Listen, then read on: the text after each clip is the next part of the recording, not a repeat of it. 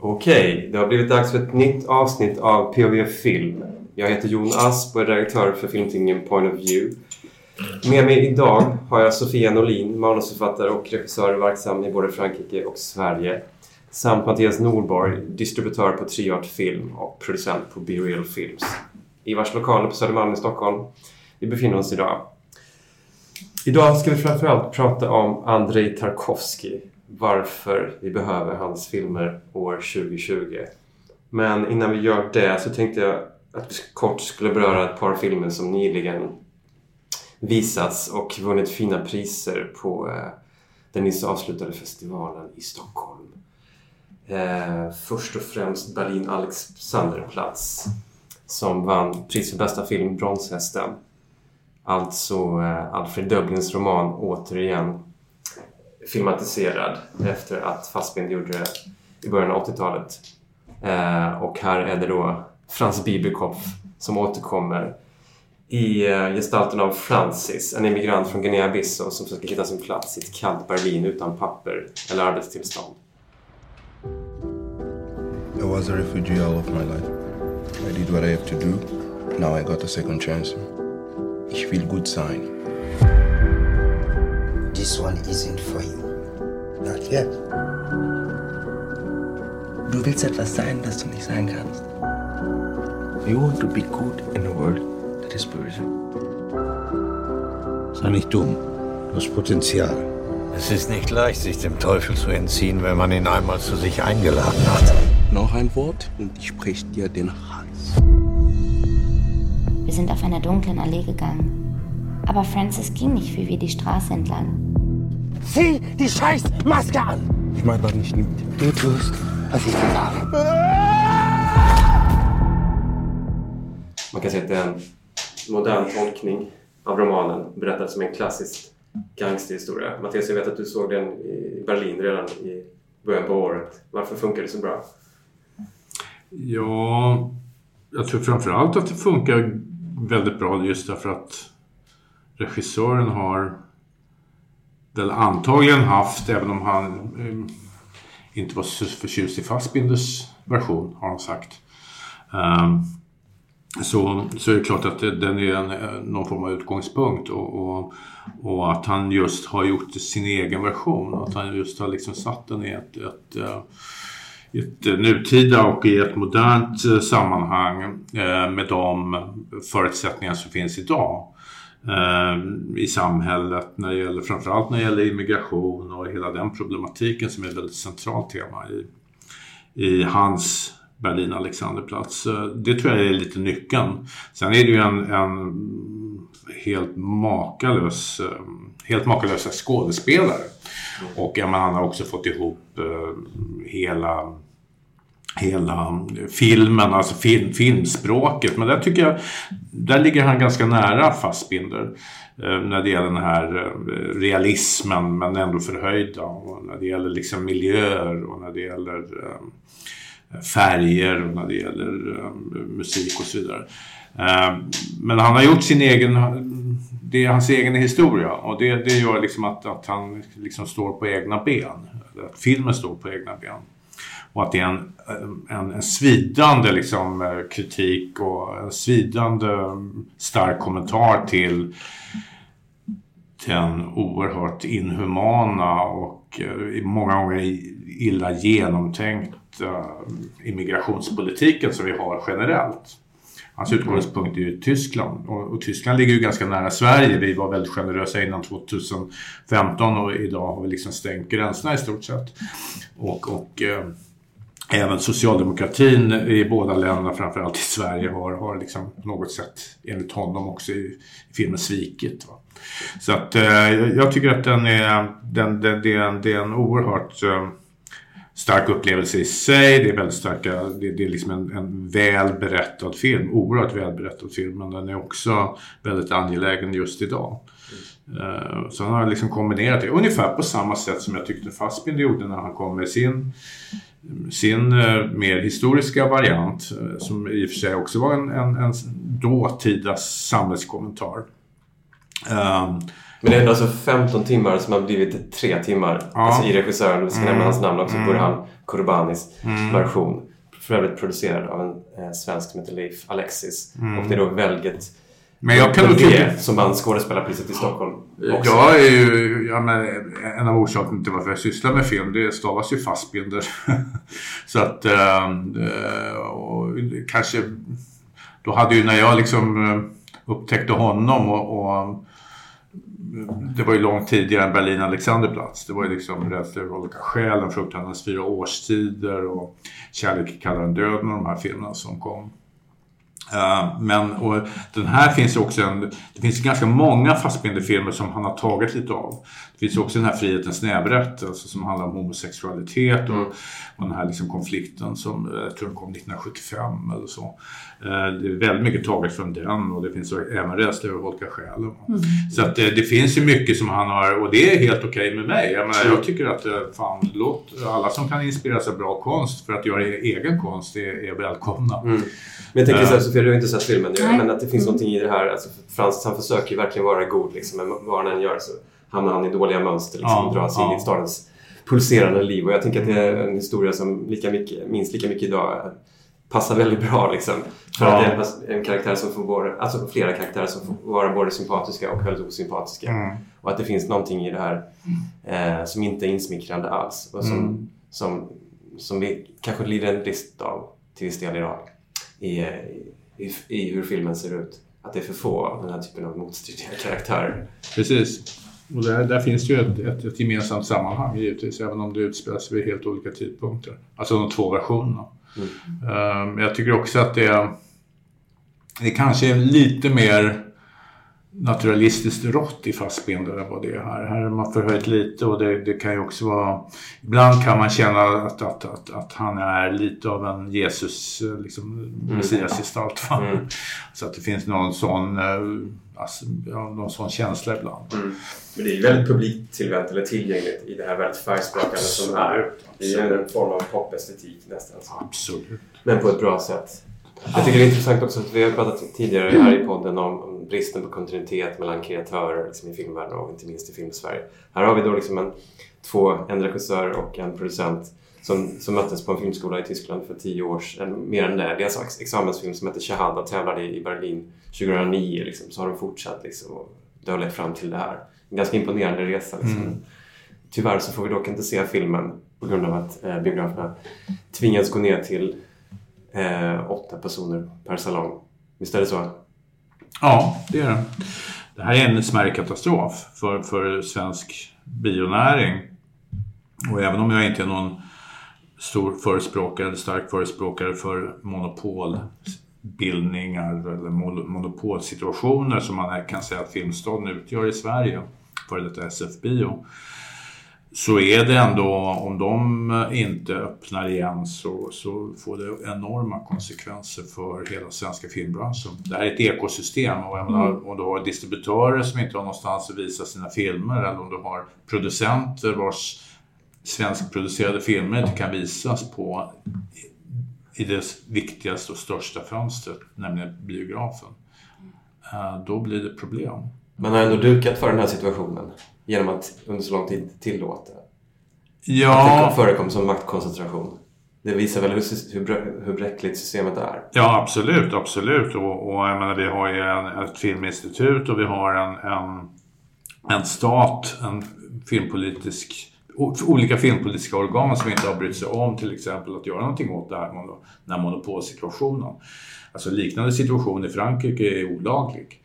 Man får inte äga 75 procent eh, helt enkelt.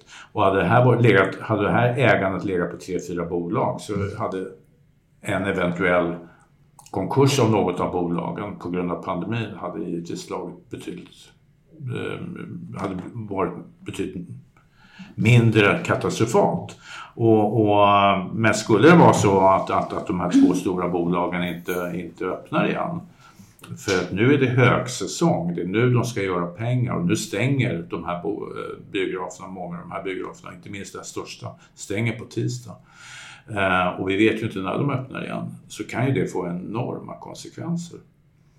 Eh, och då kan man ju säga att det finns alltid andra köpare och det finns andra aktörer. Och visst, men det tar tid. Va? Det tar tid. Och det, det har redan skadat ganska mycket att man hade stängt i våras en hel del och att man har haft begränsningar nu under en lång tid när det gäller antalet personer. Men jag tycker också att, att biograferna har, och, och teatrarna för den delen och sittande, överhuvudtaget sittande publik vid olika arrangemang har fått drabbas orättvist hårt. Om man sen konstaterat att det kan vara 200 miljoner människor som, som går på IKEA en, en lördag. Eller håller på och härjar på gallerier och så. Så att jag tycker det är jag tycker det är synd därför det skadar också filmkonsten och det skadar liksom hela filmproduktionen och hela, hela så att säga, ekosystemet. Mm. Vi lär få återkomma till det ämnet framöver. Men innan vi går in på Tarkovsky så tänkte jag att jag skulle prata med en annan. För Sofia, du, också, du har inte bara sett film, du har också suttit i juryn för Ja. Impact Award på Stockholm filmfestival. Det som även kallas miljonpriset och delas ut tillsammans med Stockholms stad.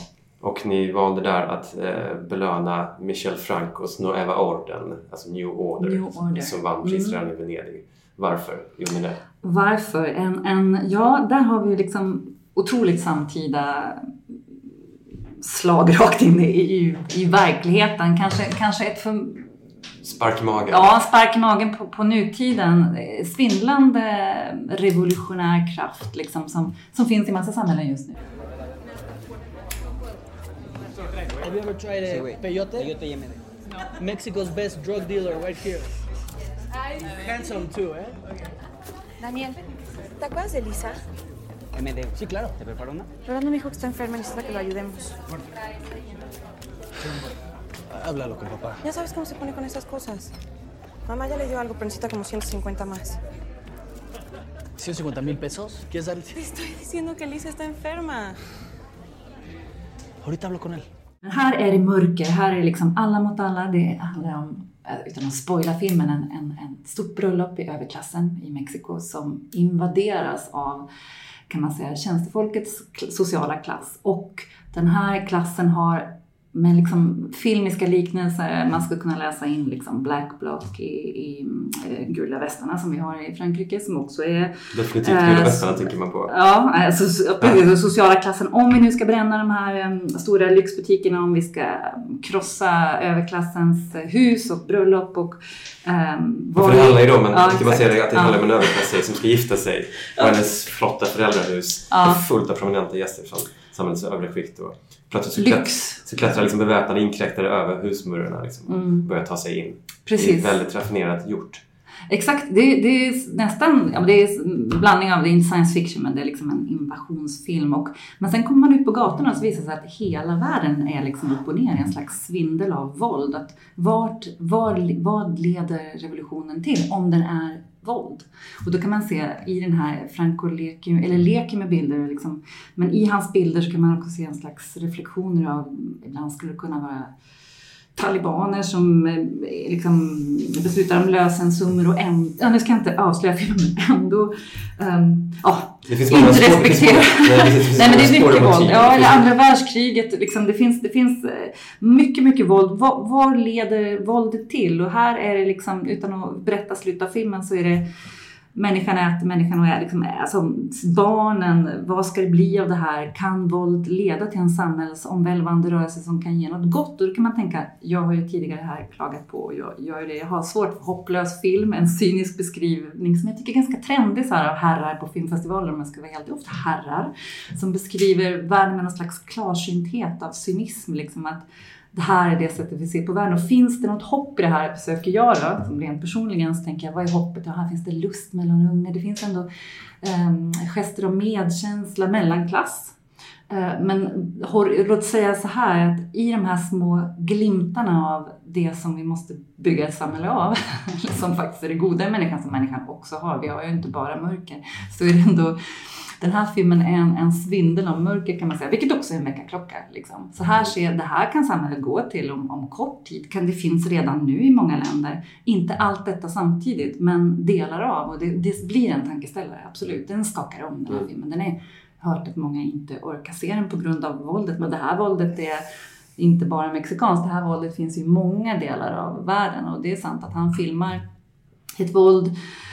Eh, det är väldigt välregisserat och det är Men han är så häftigt. oerhört teknisk. Jag menar, Ja. ända sedan han slog igenom med Smärtgränsen i Cannes så har Mm. Michel Franco varit en liten favorit. Och jag tycker att det här är hans bästa film hittills. Liksom. Ja, För att han stark. har sin tekniska regi men att han också, som du säger, att han lika mycket som han blir sympatier eller antipatier Ja. så träffar det ingen särskild. Liksom, man kan älska alla, man kan älska ingen i den här filmen. Det finns väldigt många spår och motiv men det är mycket som inte som lämnas outrett, men det, det visar ändå på eh, en väldigt komplex situation där det inte finns en, ett offer eller en förövare. Nej, utan exakt, det leder fram till någonting, till någonting väldigt komplext men som är väldigt, väldigt effektivt berättat. Mm, mm. Som få andra. Vilket gör det väldigt uthärligt i allt det outhärdliga. Ja, den, den är ju så pass estetiskt sett, jag, jag tycker inte att den är svår att se. Däremot är den ju förkrossande i sin, alla de här små glimtarna av, av eh, mänsklighet som, som ändå finns där. Och de, ehm, det, det liksom, hans stora mixer av samtiden är ju mer våld i slutändan än vad det är hopp på av, av mänsklig eh, solidaritet. Har du sett den Mattias? Ja, jag har sett ungefär 35 procent av den. Är nere i? Eh, Jag tyckte, jag, jag satte av den faktiskt för att jag, jag, jag tycker, och det, det, det där är problematiskt ibland faktiskt att när liksom estetiken och liksom det, det tekniska och det, det, det, det visuella uttrycket skymmer sikten va, för, för vad, vad, han vill, vad han vill säga. Jag tycker det är oerhört känslomässigt också. Ja, det är möjligt att, men jag ska se, nu, nu vet jag också att det, den, är, den är redan inköpt i Sverige och att den kommer hit och så. Så att eh, så småningom kan jag se den på stor duk. Um, eh, jag menar, det är rasande skickligt, det, Mm. det, det, det råder inget tvivel om. Och jag, jag blev bara väldigt illa berörd och då satte jag av den och det, det kan ju också bero på mitt dagshumör. Mm. Mm. Eh, om man ser den liksom som nummer 48 liksom, efter sex dagar i Mm. Venedig. Men låt oss Eh, inte komma till den då. Nej, jag Ja. tänker att den, den är en jätte... Jag tycker att den är liksom en svindel i våld och en jätteintressant kommentar på samtiden. Sen så kan jag ju... Ja, men det tycker jag med. Ja. Mm. Och jag menar, det, finns, det finns ju, jag menar, det, det, jag menar, även om jag liksom inte såg hela filmen så förstod jag, jag menar, såg jag ju liksom vad den, på något sätt tematiken i den och vad han ville ha sagt och så. Och den, den tycker jag är oerhört intressant. Och då tycker jag i och för sig att, att, att um, som jag upplevde det, för att jag hade läst in mig också ganska mycket på den innan. Så jag visste att jag tyckte att, att, att äh, själva liksom det filmiska uttrycket skymde sikten för mig. Så att det blev en annan, blev liksom nästan så här lite kontraproduktivt. Men eh, det är möjligt att, att eh, jag får ge en filmen en chans till. Den är, den är ju väldigt uppskriven på många ställen. Och han är en intressant regissör så det är klart, ja, det är en regissör som man också kommer att följa. Absolut. Ja, det är viktigt. Mm. Mm, kanske dags att eh, gå in på eh, dagens huvudämne. Andrei Tarkovsky. Mer ljus. Mer ljus. Mer ljus i detta svindlande våldsmörker.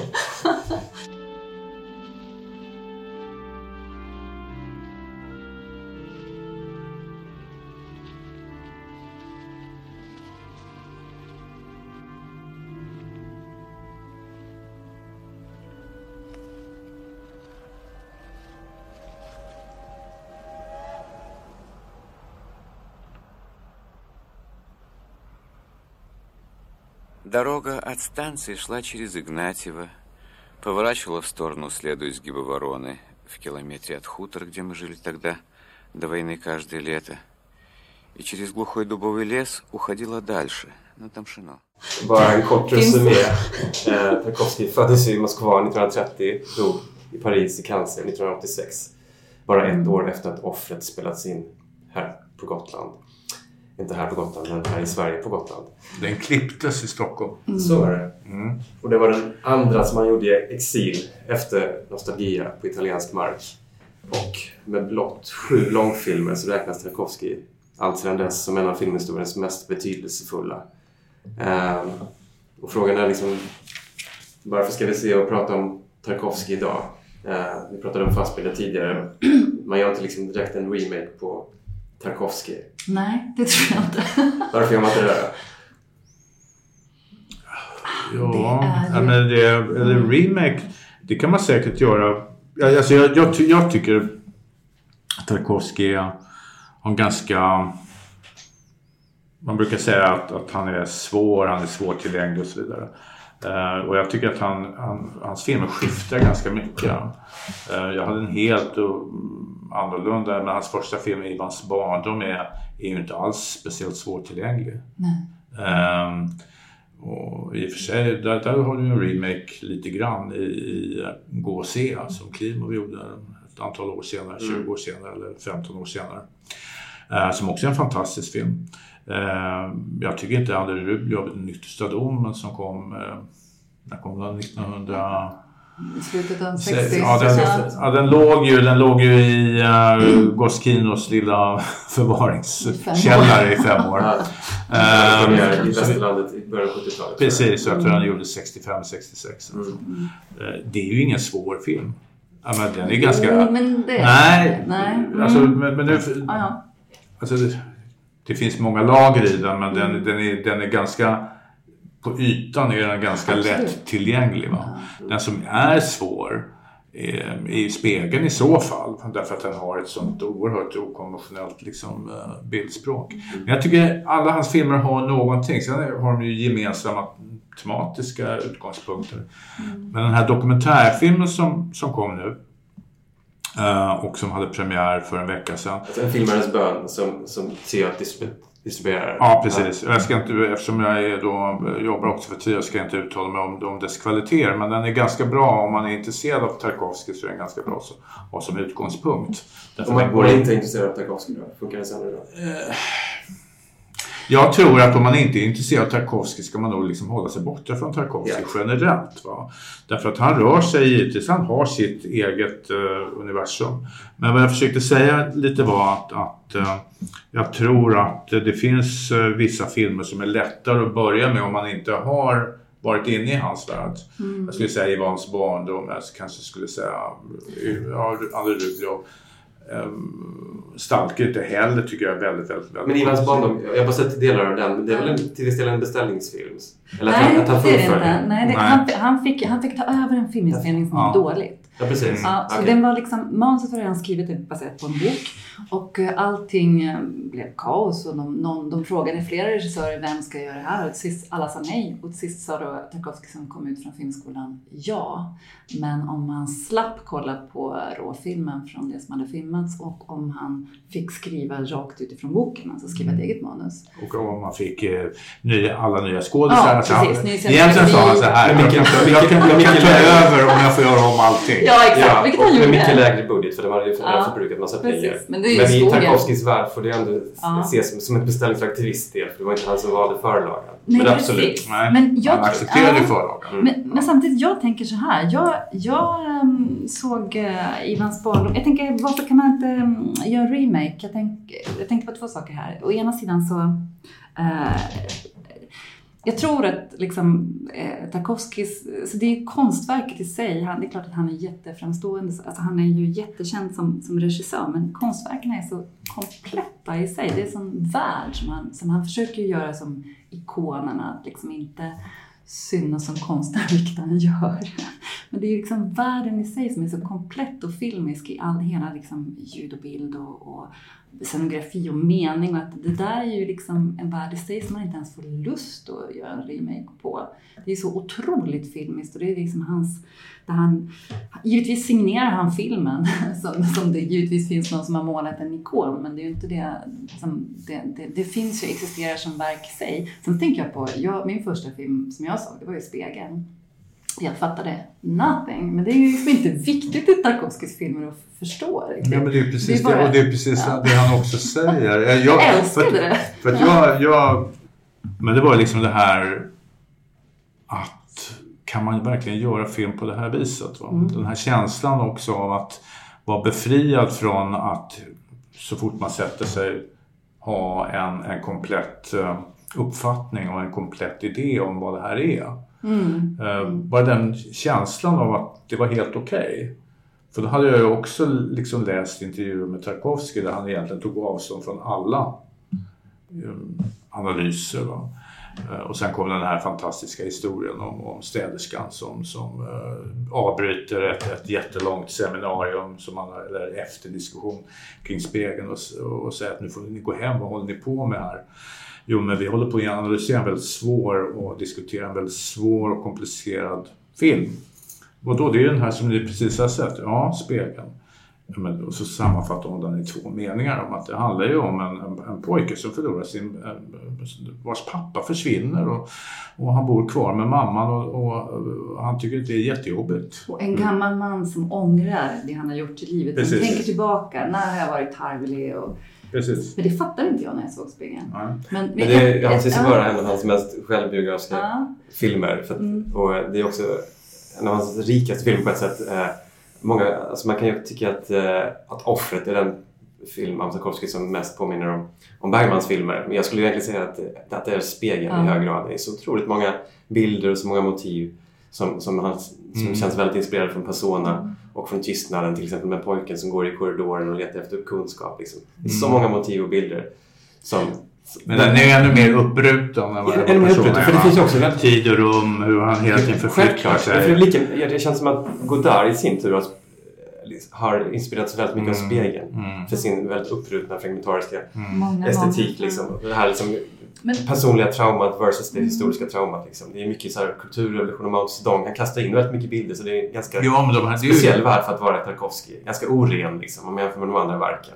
Så det är väldigt mycket Ja, olika. men alla de här olika temana som man pratar om när det gäller Tarkovsky finns Mm. ju spegeln. Allt. Mm. Det finns det ju in, faktiskt inte i, i de andra nej. filmerna. Nej.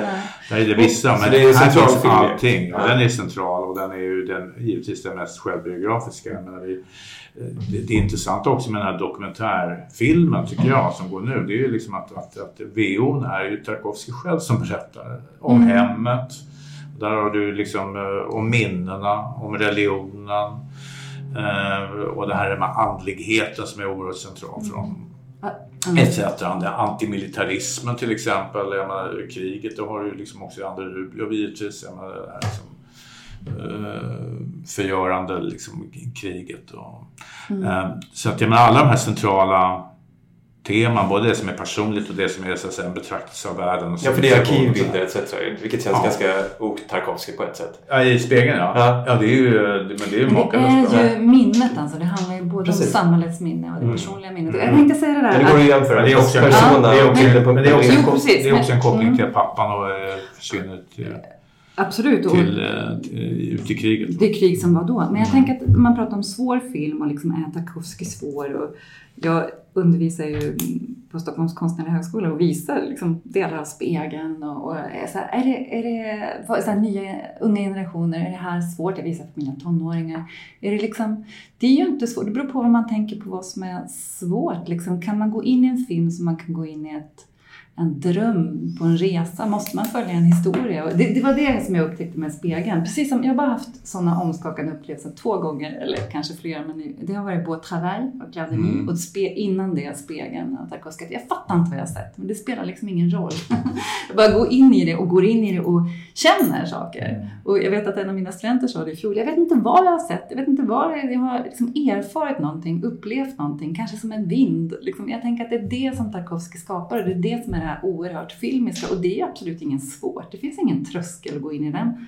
Jag vet inte vem som, jag vet inte vem jag citerar nu, men som att gå in i en katedral, det är någon som har sagt det så vackert uttryckt det här, gå in som en katedral rakt in utan att det finns något trappsteg. Sen när man går in så ser man liksom hela arkitekturen inifrån med eh, torn och tinnar och konstverk. Och Tarkovskys filmer är ju så här, man behöver inte ha någon liksom förkunskap. Eller man går in i den där drömmen som är helt filmisk, som är ljud och rytm och tid och dikt. Alla hans den här menings, Precis. meningen som kommer och är liksom pappans dikter. Det är ju ofta tem, tematik som De kommer. finns ju på samma sätt i spegeln som i den här Precis. dokumentärfilmen. Exakt, att de säger, de, de, vi hör de här dikterna som reflekteras i sonen, alltså i Tarkovskis, Andrei Tarkovskis eh, filmer, i, i de landskap han väljer, i de, i de teman han väljer, de livsuppgifter och den, det handlar om tro. Vad ska vi tro på? Ska vi, hur bär vi den här tron på skapelsen? Han är ju väldigt eh, troende. Jag vet inte, inte på vilket sätt han är religiös egentligen, men han tror ju på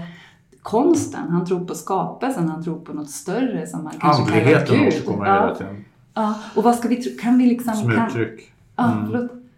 Att andligheten? Ja, andligheten. Han översätter ju tron till andlighet. Andligheten, ja. Och det religiösa till andligheten. Och andligheten, utan andlighet så har vi ingen konst. Utan konst så har vi inget samhälle. Va? Det är Exakt. liksom eh, det, är- det är hans återkommande... Och det är där det blir politiskt också faktiskt, fast man inte tänker på honom som en Mm. politisk filmare. Men, att Men det är vi- jättepolitisk Ja. film som i spegeln. Jag tror det är Absolut. halvvägs in i filmen när de säger att livets mening, den enda, är att tjäna. Men folk vill hellre nå makt, utnyttja Ja. andras tjänster. Ja. Det är extremt politiskt liksom. Mm. Det, är inte bara, det är inte bara andligt. Nej, och i Domenicos speech i slutet av nästa Nej, men jag menar också- eller han, För jag tänker bara att han, han, jag tänker att André Rublev, nu blir jag väldigt nördig här, men gå in i, men de som inte har sett André Rublev så följer vi den här Den munken är ju då. extremt politisk. Ja, precis. Så följer vi den här munken som tänker, kan jag måla de här tavlorna? Kan jag stå för kyrkan? Ska jag inte se till människans dionysiska kraft och människan kan vara allt detta, både mörker och ljus. Och sen så tänker han förlorar liksom sin tro, framförallt när han efter att ha mördat en, en, en man, han förstår att han har mörker i sig själv. Och sen i slutet av filmen, utan att spoila, så ser han någon som verkligen skapar gemenskap mellan människor för att han tror på någonting som han inte ens vet svaret på. Det är liksom en sån där Greta-effekt, måste jag säga. Liksom, alltså sån här, en väldigt ung person som bara tror på något. Och det här är jättepolitiskt. Hur ska vi liksom federera? Vad som hur ska vi samla människorna och göra något eh, solidariskt? Så att, Mm. Utan att säga det i sin så tycker jag att han är väldigt politisk. Men jag tycker så här, för- för att, eh, ja, men för att återgå till din, eh, din första fråga. Alltså hur, Mm. vad, vad är, är, ett, två saker. Jag menar, är Tarkovsky svår? Mm. Eh, vad, vad har han för funktion eller vad har han för betydelse idag? Om man sätter honom i liksom i en modern kontext. Så det första är väl att jag tror att han är... Jag tycker inte att Tarkovsky är svår. Eh, Men jag tror att han kan upplevas svår därför att man är inte van vid den typen av berättande. Man är inte van vid den typen av, av eh, estetik, man är inte van vid den typen av, av film helt enkelt, rörliga bilder och det, den, det berättandet. Tankemässigt sen tycker inte jag att han är speciellt svår. Om man, man tar en film som Stalker till exempel, att det finns något väldigt spänningsdrivet på ett sätt. Liksom, att han har den här förmågan liksom, att hela tiden visa på en Mm. framåtrörelse. När man ser Stalker första gången, det är väldigt svårt att beskriva vad det är, vad den gör med en. Men den har gjort väldigt mycket med många människor. Jag kommer ihåg att jag på Bergmanfestivalen häromåret såg en norsk te- teaterpjäs som handlade om just detta. Mm. Vad Stalk, alltså en dramatiserad pjäs om eh, upplevelser som de här norska personerna hade haft under 80-talet då. Eh, Det skrevs någon te- teaterpjäs som hette Zonen som alltså just byggde på det. Ja, det ja, jag vet inte vad den hette. Men det, liksom, det, kommer liksom, Mm. grejen liksom, det blir bara kontextart till slut. Liksom. Det finns ingen riktigt som kan sätta fingret på Nej. vad det går ut på. Men jag tänker liksom ändå att i Stalker så finns det någonting väldigt tydligt som, som, som jag tänker är väldigt fungerande. För det finns det här spänningsmomentet liksom, att de ska ta sig in i zonen. Och, Mm.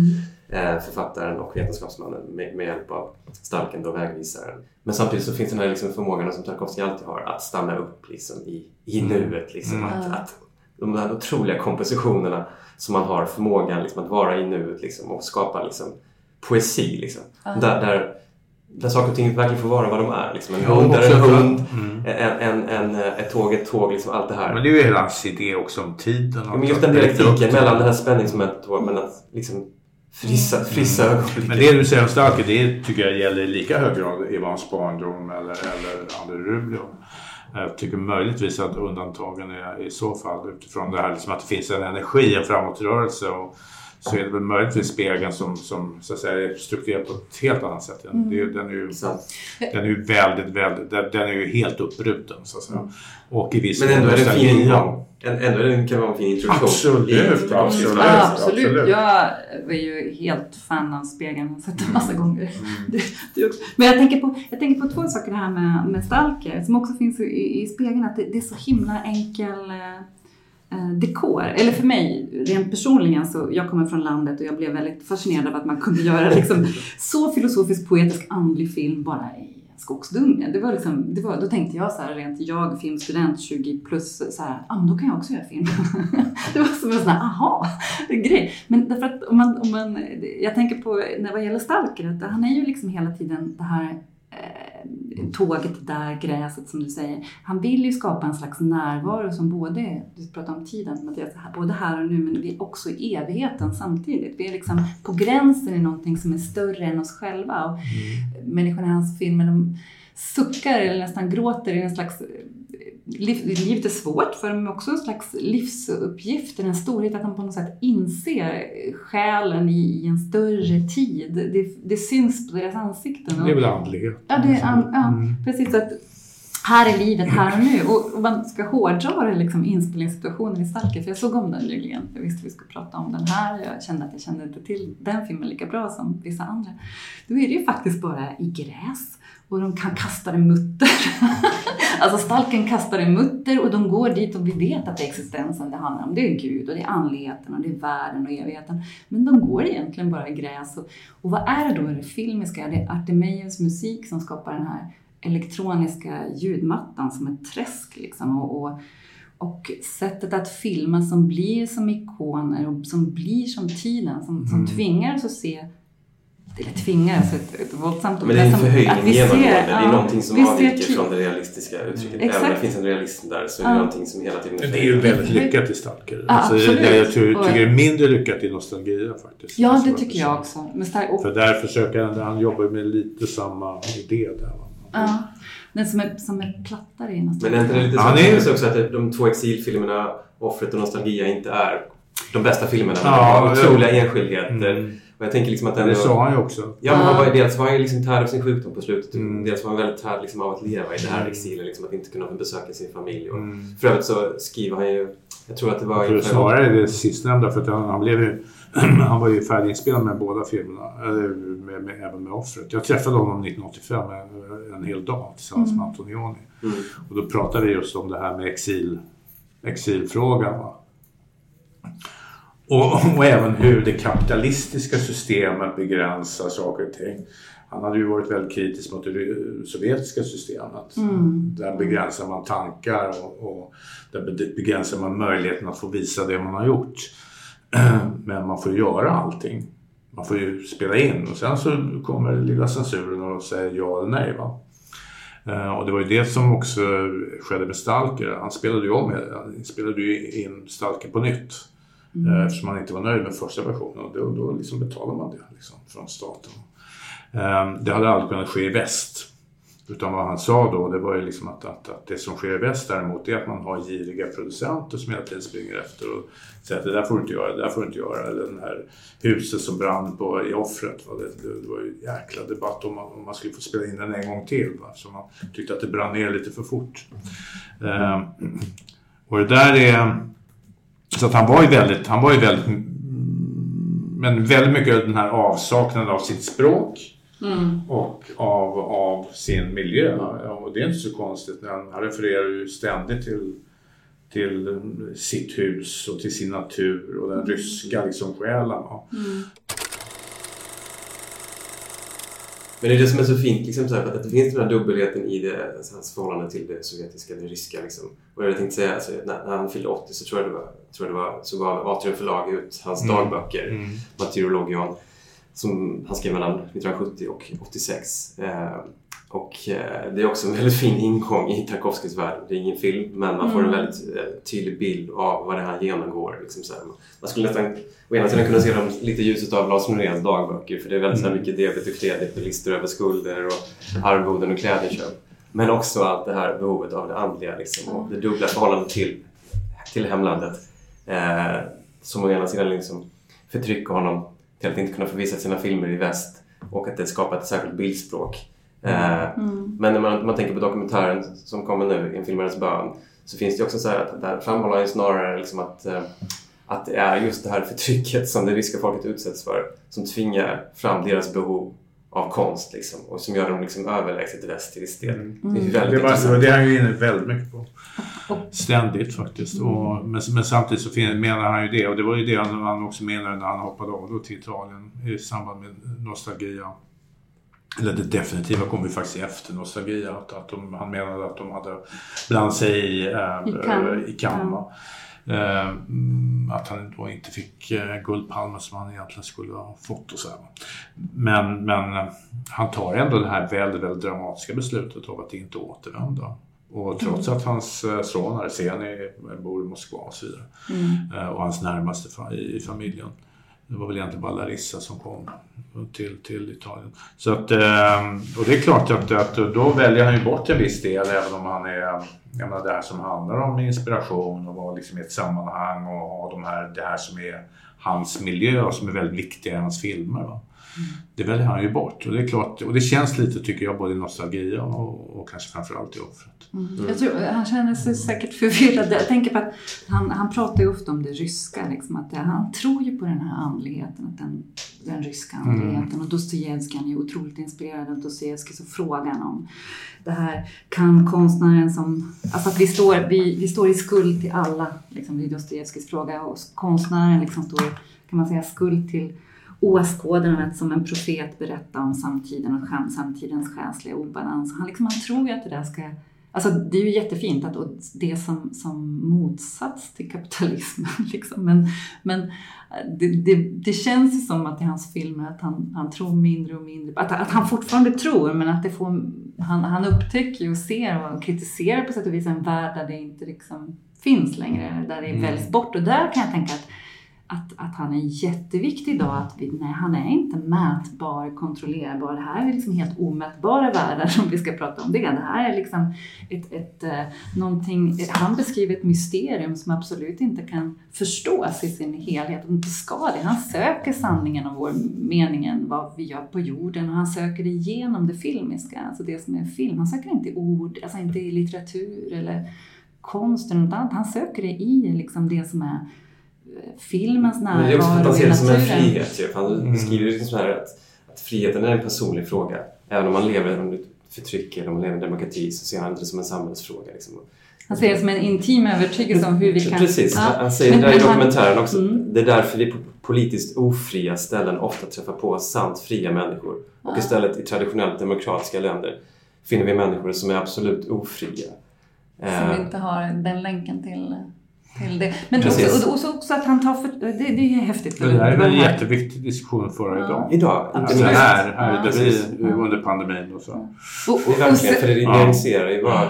Alltså sin vad... Ja. Nej men jag tycker väl, jag menar, de senaste tio åren har vi väl liksom i, i, där, i de här klassiska demokra demokratierna ständigt liksom blivit prövade just om, om, om det här liksom, den mänskliga friheten. Mm. Um, och då var alltså det som på något sätt står över det politiska systemet. Va? menar, USA är väl det bästa exemplet, eller, eller en massa andra länder i Europa där man säger sig vara demokrati men där man inte har en, en, en där man inte är fri i tanken. Nej. Ja, och att man materiellt sett blir så välbeställd att man inte längre ser att man har ett behov av andlighet eller konst. Liksom. Man kanske har ett behov, men, man, ja. men man inser kanske inte att man... man det, det, det, är inte, det, är inte ett, det, det är ingenting som känns att man måste ha. Mm. Eh, behov tror jag alla har faktiskt. Jag tror att det ligger i människans natur. Mm. Men eh, man, kan, man kanske inte är medveten om det. Men såklart underförstånd. Mm. Mm. Men det som är häftigt med Tarkovsky, och det var det jag sa det här att um, jag såg att Fredrik Salin ställde frågan här kring dokumentären och jag tyckte det var intressant om hur, hur uh, ungefär så här, om, om hur, hur uh, att det var ett utdöende släkte av, av filmare som, som hade förtroende för att åskådaren har det här sjätte sinnet, ska ha med, jag tänker, eh, sinnet för men, vad, vad, är, vad är meningen? Men Tarkovsky tror ju, han tror ju hela tiden på att åskådaren ställer sig precis samma frågor som han. Jag tycker att den här frågan är intressant. För att, för att eh, tror vi på att åskådaren ska kunna gilla sådana här filmer och, och kunna ställa sig så här stora frågor som, som man inte kan ha svar på, som man inte kan vare sig liksom är, eh, förstå i sin helhet eller de är inte mätbara. Och... Tarkovsky, alltså de stora autörerna, de stora, riktigt stora filmkonstnärerna. Det finns inga godtagbara kopior av dem, utan de är de. Mm. Det finns ingen Lillberg, man finns ingen Lill-Fassbinder. De är unika och det är det som gör att de är så stora också. Mm. Däremot så tycker jag faktiskt att det finns ganska många som som så att säga går i, i, i den riktningen rent estetiskt. Och även tematiskt. Det, är ju inte helt, det finns ju många regissörer som, som, som jobbar med mysticism och som jobbar med andlighet och som jobbar med minnen och som bryter upp tid och rum och så. Va? Men det finns ingen, det finns ingen Lill-Tarkovsky och det Nej. tycker inte jag... Nej, det det har jag aldrig letat efter. Däremot så vad jag, vad jag, vad jag är lite frustrerad Mm. över, och då pratar jag också som film, alltså som, också som Mhm. distributör och, och så. Eh, det är ju att, att, att man inte ser, tittar mer på Tarkovsky. Alltså och Ja. använder honom som en inspirationskälla. Både för samtal och för, Mm. för konstnärlig utveckling och så vidare. Jag menar, vi har en public service som aldrig visar klassiker överhuvudtaget. Vi har ett cinematek dit, dit ingen går. Eh, och, och vi har... Men det är heller ingen olika- distributör som återkommande visar Tarkovsky. Varför är det så? Jag menar nu när vi tar upp dokumentärer, varför kan man. Man vill ju se Stalk, man vill ju se Ja, men det är ju därför, det det det är därför jag då som distributör tar upp honom. Jo, men vi Eh, vill se det på duk också. Ja, absolut. Att, absolut om man, om man en gång sett Stalk Ja, på duk ja. så vill man inte gå... Vill man inte se det på DVD. frågan är om detta handlar om Tchaikovsky eller om det handlar om stora äldre autörer. För att man ser väl inte Bonuel heller så vitt jag Nej, vet. jag Man ser väl, när såg, du, när såg du senast att det visades en Antonioni-film? Men Bonuel, inte som att han revival. Fellini som är liksom ändå lite mer populär. Va?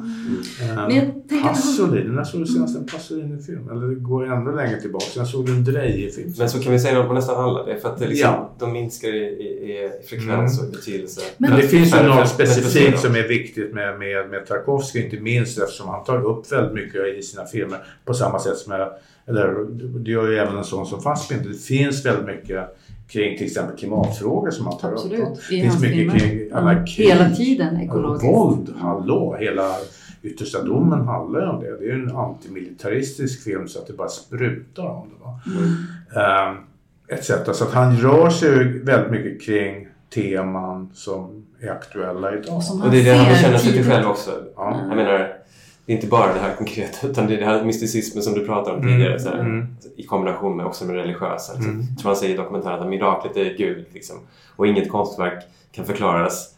Eh, och kan inte ett konstverk förklaras så bevisar det dess storhet i likhet med Gud. Ingen har någonsin kunnat förklara Leonardo, Tolstoj, Bach eller Bresson.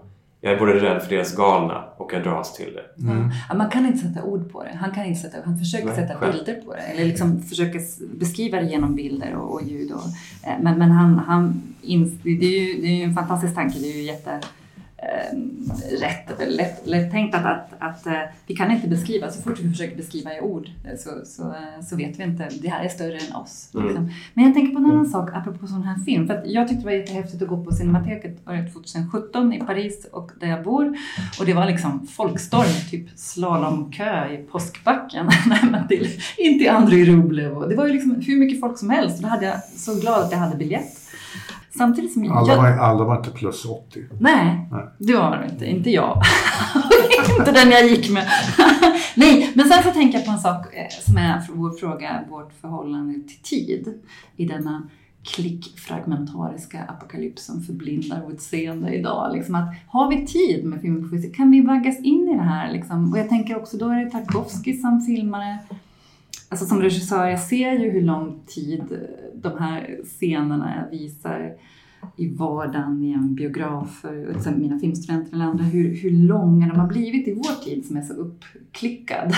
och jag tänker också till exempel på Apishatung Veresetakul som gör fantastiska filmer som är väldigt långsamma. Thailändare. Ah, Thailändare, thailändska Apishatung ja. Veresetakul. Mm. Alltså, har, vi, kan vi, har vi förmåga att vara mottagliga för sån här film, ja, sån här tid idag? Som, jag menar, Tarkovsky försöker beskriva en tid som är livets tid och evighetens tid och liksom rör sig i de här landskapen. Att vad, Mm. Tiden är vad vi har, innan oss, efter oss, nu, här. Och det är därför de lever i en själsligt liksom, balans, att samtiden är i ofas med den stora tiden. Och, men det innebär också att filmerna har en speciell tidsrytm som kanske inte vi klarar av. Eller den fråga jag ställer, klarar vi av dem? Nej, Det handlar ju om förmågan att gå in i det. Han, Ja. han säger ju själv liksom att tiden är den, alltså tiden för den moderna människan är ju ett hot mot hela liksom, existensen. Därför att vi just plötsligt gör vi en massa val som är, är felaktiga och vi, vi, vi fokuserar inte på det man bör fokusera. Man, vi går inte in i det vi bör gå in i. Så att absolut. Men ja, men det gäller väl... eh, Men det är också att- gäller ju allting. Men där, där kan man ju se, det, det är sånt här som diskuteras nu under pandemin. Hur kommer vi att se på tiden på ett annat sätt när vi går ut ur den här? För det handlar ju egentligen inte om vi har tid eller inte utan det handlar ju om vad vi gör med tiden. Mm. Och, och, hur, och hur vi ser på den tiden som har varit. Liksom, för att, menar, det är Självklart. helt, Självklart. helt, Vad vi tar med oss från det. är det. helt väsentligt. Alltså, just barnets roll. I, för det är ändå det som han söker sig tillbaka till. Och Hela han tiden. beskriver det väldigt fint. Mm. Så liksom just bara, det finns ju en tid Mm. när barnet är i en viss ålder. Mm. Då, när man går förlorad liksom, till vuxenvärlden. Liksom, man förlorar liksom, kontakten med det här. Och det har ju också, det förhåller sig också till minnet i hög grad. Liksom, hur, hur, hur, hur bearbetar vi minnet? Hur försöker vi minnas? Liksom, så, Mm. När man tappar, förlorar kontrollen kring det så förlorar man också fantasin och skaparförmågan. Det är den här skaparförmågan, alltså skapandet, som är hela essensen i det. Oavsett vad det leder till. Liksom. Och det speglas ju väldigt mycket i Andrei Rublev också. Mm. Att det inte är liksom, målet i sig som, som är eh, det viktiga utan liksom, vägen dit. Det är processen. Att skapa Mm, mm. Och att, ja, det, det Det är det ju, det, är ju, och det är ju klart, det är ju ett av hans grundteman. Mm. Eh, och att han någonstans önskar sig liksom hela tiden att vi inte, att vi inte blir vuxna. Alltså på ett sätt. Va? Utan att vi liksom, vi barnet ska se. finnas Ja, men det är som att man, dör, man har inte tid att ha tråkigt. Liksom. Man, alltså, vi, för att man bara flyr in i nytt, nytt, Mm. nytt hela tiden. Lever man, lever man i misär och i armod, liksom, eller lever man i mer- mindre Mm. digital värld så kanske man åtminstone har mer kontakt med sina minnen. Till Mm. exempel. Det kanske är det han ser då i en annan tid, i det ryska, liksom, Mm. än Att i det västerländska idag. Ja, att man lyckas se, som barnet ser. Som I hans barndom börjar ju också det. Han ser, han blir helt uppfylld eller liksom av mysteriet. Han ser det i liksom tallar, och det är kottar, och det är liksom skogen. Att det där seendet, det är ju egentligen det han försöker ha i alla sina filmer. Det återkommer, det är som persona-motivet. Ja. med Och att det måste du också ha, då ha tid för att... Ja, men dels är det ju en övning om du så att säga inte har... Alltså du inte är ett barn och inte är... det- Men det kan ju vara så att du också som vuxen är helt oförstörd. Att du har den rena blicken. Men, Annars måste du ju liksom träna upp det. Jag tänkte på det här med att, att, att vad man nu... Väldigt många kommentarer kring den här pandemin. Det är ju att vi... Gud vad tråkigt det är. Ehm, Det är vi, det kan, ju. vi kan inte göra... Ja, jag säger också det. Va? Vi kan inte göra det och vi kan inte göra det och vi kan inte göra det och vi kan inte göra det. Gud vad li, livet har blivit tråkigt. Men vi kan se Tarkovsky. Vi kan se Tarkovsky och vi kan, eh, vi kan läsa pappa Arsenis eh, Dikter. dikter och vi kan se andra regissörer vars filmer också tar upp liknande teman eller går i den här riktningen. Vi kan lyssna på fantastisk musik och, och vi kan läsa andra poeter, vi kan läsa bra litteratur och vi kan, vi kan ju prata också med varandra. Vi kan gå i kyrkan, i de stora katedralerna. Nej, kan vi det, inte kan vi inte det? göra längre. Det kan Vi är åtta göra. personer. Jag tror att en sån regissör som, som Tarkovsky kan även gälla Bergman inte minst, eller Dreyer eller Godard. Några av de här riktigt, eh, alltså som har, har sina helt egna universum. De, det måste ju finnas förutsättningar, lite grann i alla fall, för att gå in i dem. Mm, absolut, nu när vi har Och tid. För du nämnde det här med, med Cinemateket i Paris. Ah, jag kommer ihåg när jag... Jag var ju, eh, jobbade ju med Ulf Berge när han tog in Nostalgia. Och den hade 80 000 besökare i Sverige. Och... Eh, och De stora distributörerna vill inte distribuera den. Nej, utan han gjorde en sån här folkinsamling så att det blev liksom folket som köpte in filmen. Och det Tidigt- blev ju också... Det blev också Kickstarter-kampanj. Ja. För Eh, Tarkovsky. Det låter och som sam- och samtidigt, samtidigt tog man in hans gamla filmer på nytt. Mm. Och, och jag kommer ihåg att vi arrangerade visningar i Malmö, Stockholm och så vidare på de biografer som jag drev. Och det var ju liksom, det var ju milsköer alltså. Ah. Och alla pratade Tarkovsky liksom, var- i vissa miljöer. Eh, vi hade premiär på Nostalgia faktiskt i Malmö. Vi hade en egen liten premiär där. Eh, 1984. Ah, mm. 1984. Men Så Sofia, visar, eh, ja, visar, visar du Tarkovsky för dina filmstudenter? Mm. Ja. Lite grann. Eh, Ska jag visa mer och mer? Hur, hur reagerar de? Nej, men det är Vilka väl- filmer kör du då? Då har jag visat Spegeln, Ja. för det är min favoritfilm. Och sen så har de flesta sett Stalker. Eller nej, det har inte de flesta sett, men de som har sett Tarkovsky har sett Stalker. Och sen är det ju skönt att höra, eller skönt att höra, det här får man absolut säga att nej men jag gillar den här men jag somnar. Jag har somnat varje gång jag har sett den. Jag har själv somnat de två första gångerna jag såg Andrei Rublev.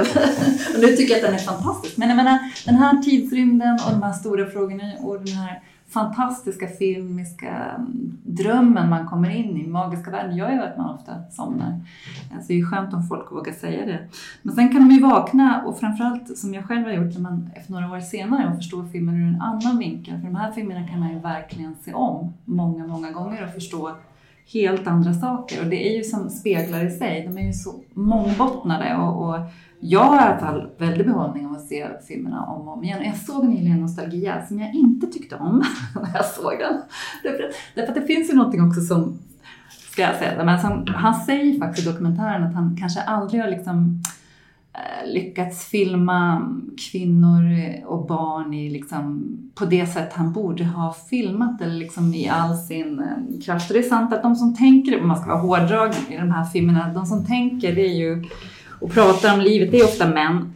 Eh, Ja, men, men Tereshov är ju helt Ja, nej, men jag Jag inte ju säga det. Men låt mig nu. Ja, jag, jag älskar henne. Fort, alltså, hon är ju helt fantastisk. För att det var så att jag har ju sett Spegeln och tyckte att Margareta Terkova, jag identifierar mig totalt. Hon är ju en jättebra beskrivelse. Alltså hon är ju otroligt, där har ju Tarkovsky fel. Men däremot i vissa av hans andra filmer så är ju kvinnorna madonnor. Då, som, som ung filmstudent och även som äldre filmare så kan man ju bli lite irriterad på de där vackra kvinnorna som inte tänker så mycket i filmerna. Men, men ehm, just Margareta Terkova, jag, tror, jag har faktiskt aldrig sett en mer fantastisk eh, porträtt av henne. Alltså, hon är en favorit. I spegeln då, i spegeln. Jag det är den största kvinnliga Absolut. Ja. roll. Och jag läste... Magnetisk, men- men hon till är- men, men filmens, att- alltså, Tarkovskys beskrivning av den här kvinnan är jättekomplex och jättehäftig och rik. Men det är också hans blandning av hans fru och hans mamma. Han känner, alltså det, det här det är ett fantastiskt porträtt, Mm. porträtt av en Men, kvinna. men det kanske ligger- ändå ligger någonting i den självkritiken då att han inte har nått så långt som han hade velat med kvinnor och barn. Liksom. Att, jag tror han nämner i någon not från 70-talet i dagboken liksom, där, där han skriver liksom att, att medan kvinnan, mannens uppgift är att skapa medan, medan kvinnan ska underordna sig för kärlekens Ja, skull. Liksom. det låter ju Så det finns, det, det låter, eller hur? Det intresserar honom så. Ja, nej, men, alltså, men man måste ju tänka att han levde i en annan tid. Liksom. Men jag, tycker, jag är, men jag tycker- är ju jag- superförtjust i Tarkovsky. Jag reagerar inte så hårt på, på den här, jag vet inte vad han heter. Mm. Jag reagerar väldigt mycket på deras kontakt. Alltså, Ja. Eh, hon är ju tolk där va? Och Ja, hon är tolk. Författaren som kom då, är- vad heter han, Jankowski va? Ja, jag tror det. Eh, Och så Domenico, eh, Erland Ja, precis. precis. fantastiska Ja, det, det tycker jag är den starkaste. Han är ju- För de, deras relation är ju, är ju ganska kylig och konstig. Alltså. Ja, Den är ju hon räddar Alltså. honom inte på slutet. Nej. Han ropar hennes namn och hon, han brinner och hon springer fram och hon som en slags modern, kall människa tittar på det där. Finns det något hopp? Nej men det är jätteintressant. Mm. Men Medan äh, Margarita, Mm. hon är bara helt äh, makalös. Alltså varenda blick, Ja. varenda blick när han tittar in i kameran, när han möter mannen, den här läkaren och när, med, med barn och sonen. Mm. Jag, menar, jag, jag, kom på varför jag såg den så många gånger. Mm, Efter, efter, efter liksom Mhm. fyra, fem gånger. Det, det var ju det var ju på grund av henne. Va? Mm. Att jag skulle på något sätt vilja utforska henne. Mm. Givetvis säkert vad jag gör med min mamma och liknande. Va? Men, men att eh, det, jag tycker det är ett av de mest magiska kvinnoporträtten som har gjorts. Hon är både, hon är liksom rebellisk samtidigt. Det finns menar, väldigt starkt i sitter och henne. röker Ja. på stängslet och Mm. läkaren kommer. Nej men hur som helst, så det är någonting man lätt kan glömma bort, eller inte alls. Att just skådespelarnas lyskraft i Tarkovskys filmer är ju verkligen i hög grad bidragande. Mm. Det är lätt att fastna i, i natur och landskapsmotiv och det ena och det andra. Men det finns ju också en, en eh, Ja. tradition han bygger på där som nästan är filmstjärnemässig. I, någon- I någon mån, liksom, med poser och sådär. Men eh, för att runda av det här samtalet, vad, vad, vad skulle vi rekommendera? Vi har varit inne på det tidigare, men den bästa ingången i Tarkovskys värld, vad, vad, vad landar det någonstans? Var ska man börja? Ta en Ska jag helg. börja? Ja, du kan börja. Ja, då tycker jag att man ska... Alla människor som jag träffar de säger, vad gjorde, när man frågar vad gjorde du helgen? Jag såg två säsonger av någon konstig serie på TV. Och jag har aldrig förstått mig, hur, hur har man tid med det då? Eh, eh, och då skulle jag byta ut de där säsongerna, tv-serier, genom att se fyra, fyra Tarkovsky-filmer. Tre eller fyra Tarkovsky-filmer. Jag skulle nog börja, eh, pedagogiskt skulle jag börja med Yttersta domen tror jag, Ander Rublin. Svartvitt. Ja, ja, det är Det lite kan ju färger. avskräcka. Ja, okej. Eh, ja, jo, men, jo, men Mm. här, här krävs det öppna sinnen och det krävs lite tid. Mm. Och det krävs ju just det här att tiden, hur använder jag tiden? Jag använder tiden för Tarkovsky den här helgen. Och eh, eventuellt också läsa lite av pappans dikter, även om, alltså Arsenis dikter, även om de läses upp i, i spegeln eh, ganska eh, mycket. Och, eh, och sen skulle jag ägna en halv dag åt att bara ligga i en soffa och eh, kontemplera. Inte, inte försöka förstå allting. Därför det Nej. behöver man inte göra. Det sa Tarkovsky också. Varför ska man göra det? Men eh, reflektera och fundera. Och kanske ställa frågan, och vad kan jag göra med det här då? I, I det samhälle som jag lever i här och nu med pandemi och klimathot och så vidare. Mm. Ungefär så ska jag Mm. rekommendera. Sofia, Ja, En valfri regnig helg i november, december här under pandemin. Det är ju perfekt. Perfekt Mm. att ligga i soffa i störtregn och titta på Stalker. Det är alltid vatten i hans filmer. Det är tårarna av, ja, vad vet man. Det finns liksom inget svar på de här frågorna. Vad, är, vad symboliserar saker i filmerna? Det Ja, finns det absolut inte. Men det är i alla fall eviga ljud, eviga pål, prassel, vatten som skvätter. Då kan man titta på de där filmerna, kanske fyra. Um, spegeln måste man se. André Rolev, Stalker. Uh, Ivan tycker Men tycker du, tycker du att man, om man aldrig har sett Tarkovsky, Ja, jag tycker man ska. ty, ty, tycker man att man kan börja med spegeln? Absolut. Jag började med spegeln och blev frälst. Mm. Eh, Ja, i, Ja, i, du- i, du- sån här film. Det var inte... Nej, men jag var, Det var innan hela digitaliseringen Ja, direkt. Nej, men man kan absolut börja med det. Och sen så ska man... Då, Youtube. ja, innan Youtube. Innan mobiltelefonen var det till och med. Så man ska, också ska man stänga av mobiltelefonen. Ska man göra. Ja! Ja, det måste Bra man göra. tips, bra Absolut. Inte, inte ligga och Bra kolla på tips. Facebook medan man tittar på Tarkovsky. Det är total blasfemi. Mm. Och sen så kan man då, om man är filmstudent så kan man också, och om man är överhuvudtaget filmare, inte bara student, så ska man läsa hans ehm, Den förseglade tiden heter den på svenska, eller hur? Mm. Ja, den är fantastisk. Den ska man läsa varje år. Mm. Eller vartannat år. Också utgiven på Atrium. Ja, också utgiven på, på Atrium. Man kan läsa mer om honom. Men det där... Och så ska man... Eh, Jag kom på en sak. Man, man skulle kunna ta en promenad också. I skogen. Mellan, ja, i skogen. Exakt, men- Mellan Ja, det kan man göra. till en halvtimme sen. Mm. Och försöka se världen. Och, Andas. Ja. Se. och sen kan man göra riktigt bra film efter det. Mm. Mm. Mm. Ja, jag håller med. Jag skulle nog börja med spegeln hemma eller om man har möjlighet att se Stalker på duk någonstans, vänta till ett bra tillfälle om den kommer till Cinemateket eller om det är någon pigg distributör som tar upp den igen. Och, och kanske att man parallellläser dagböckerna för de är så otroligt eh, underhållande och, eh, och fina men också för att de visar den här bilden av en, en konstnär under förtryck. Liksom, och vad det gör, vad, vad, vad, vad, som kommer varifrån. Liksom. Är det liksom Tarkovsky och hans extrema situation som har skapat honom eller är det bara en tillfällighet? Eh, ja, någonstans där tänker jag att man kan börja. Ska vi runda av där för idag då? Mm. Så återkommer vi längre fram. Eh, Tarkovsky lär vi få återkomma till hur som helst. Tack så mycket för att ni kom. Tack. Tack.